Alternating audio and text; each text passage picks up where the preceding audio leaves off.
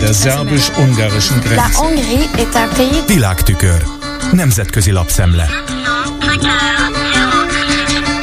2500 négyzetméterrel és több száz munkahelyel bővül a Nemzeti Filmintézet Fóti stúdiója, hogy megfeleljen a megnövekedett igényeknek és a többet, jobbat igénylő elvárásoknak.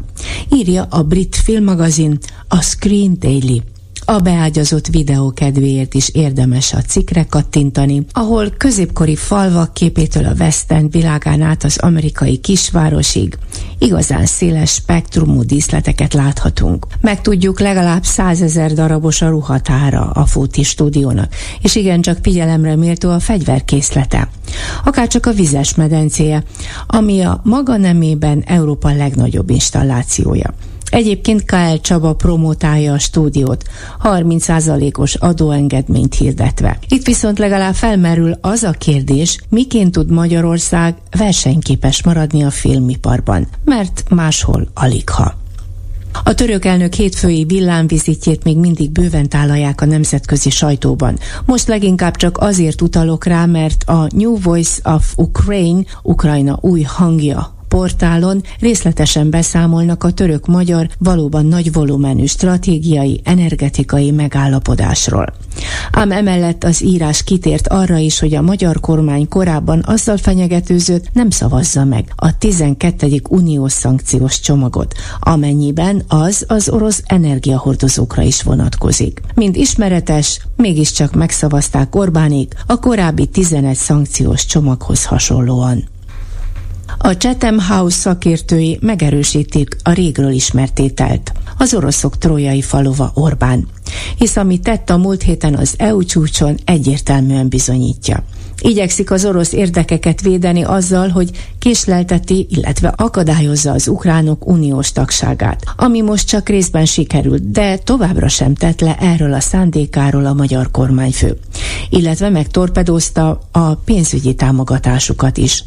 A szaknyelven úgy írják a Chatham House elemzői, hogy Putyin proxy emberén, azaz Orbánon keresztül siklatja ki az Európai Unió bővítését, és a nagyon szkeptikus amerikai republikánusokkal épít ki egy olyan szövetséget, amelynek hosszú távú célja Ukrajna legyőzése bármiáron. Továbbá a liberális nyugatra megsemmisítő csapást mérni.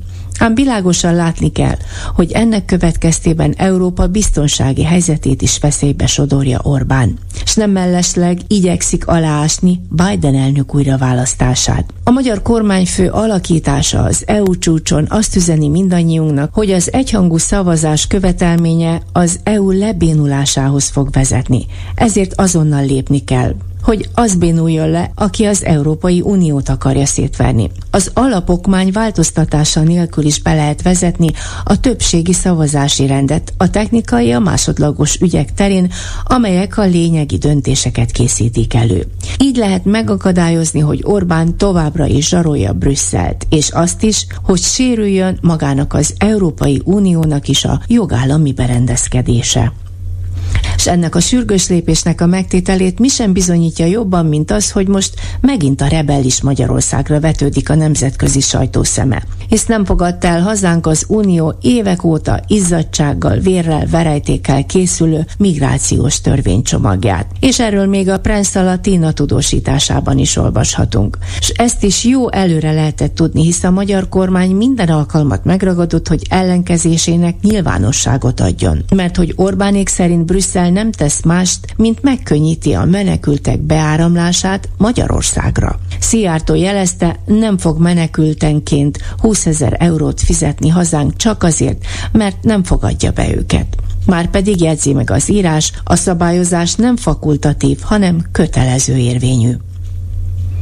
Új szelek fújnak a lengyel támogatással egykoron Washingtonban alapított SZIPÁNál is, az Európai Politikai Elemzések Központjában, amelynek egykor a Fideszes washingtoni nagykövet Szemerkényi Réka az ügyvezető alelnöke volt, és ahol még mindig igazgatósági tag az a Wes Mitchell, akit meg-meg hívogatott Szijjártó Péter a washingtoni nagyköveti rezidenciára, hogy a magyar-amerikai ügyeket jól kitárgyalják. Hogy oldjuk meg a Viktor féle problémákat? Címmel jelentetett meg a SZEPA most egy elemzést, amely igencsak kritikus a magyar kormány uniós politikájával szemben. Noha a szerző feltételezi, hogy mindennek hátterében az illiberális ideológia áll.